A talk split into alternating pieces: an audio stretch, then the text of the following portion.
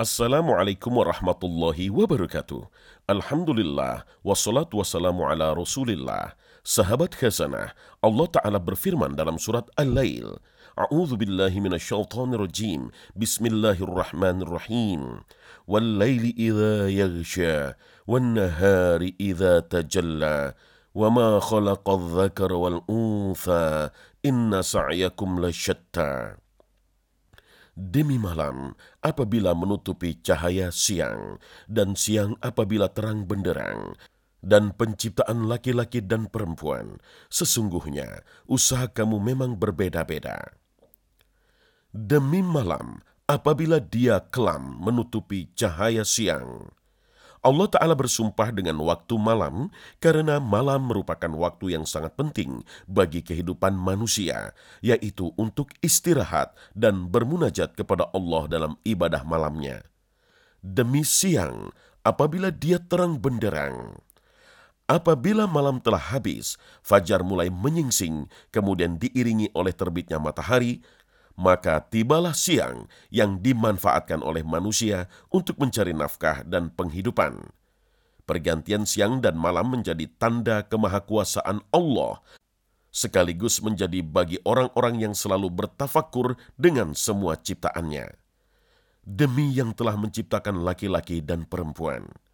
Awalnya, Allah hanya menciptakan Adam dan Hawa, Kemudian dari keduanya berkembang umat manusia di muka bumi ini, berbangsa-bangsa dan bersuku-suku dengan penuh keragaman. Sesungguhnya usaha kamu itu bermacam-macam. Buya Hamka dalam tafsirnya menulis bahwa berkembang biaklah laki-laki dan perempuan di muka bumi ini, hidup dalam pergantian di antara siang dan malam.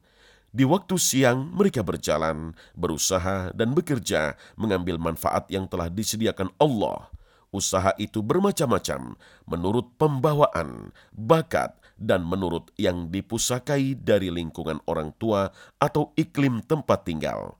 Ada yang menjadi petani, menjadi saudagar, menjadi pelaksana pemerintahan dalam suatu masyarakat yang teratur, dan ada pula yang menjadi penjaga keamanan negara. Bermacam-macam bersilang siur mata usaha manusia.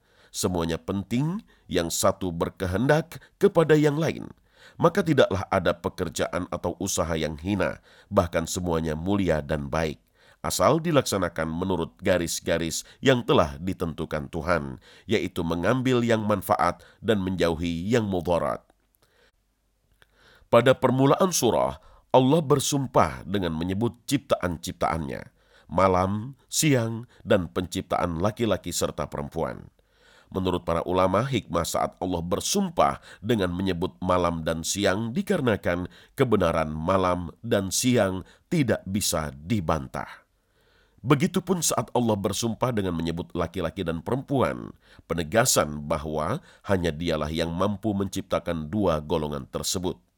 Berawal dari setetes mani, kemudian menjadi segumpal daging, lalu akan dijadikan laki-laki atau perempuan, hanya dia yang maha menentukan. Surah Al-Lail merupakan replika kehidupan manusia. Surah ini berbicara tentang bagaimana manusia menyikapi kehidupan yang ia alami, terutama terkait harta dan kenikmatan yang nantinya mengarahkan mereka menjadi dua golongan. Apakah golongan yang beruntung ataukah yang merugi, sebagaimana disebutkan dalam ayat selanjutnya insya Allah akan kita kaji dalam episode selanjutnya. Wassalamualaikum warahmatullahi wabarakatuh.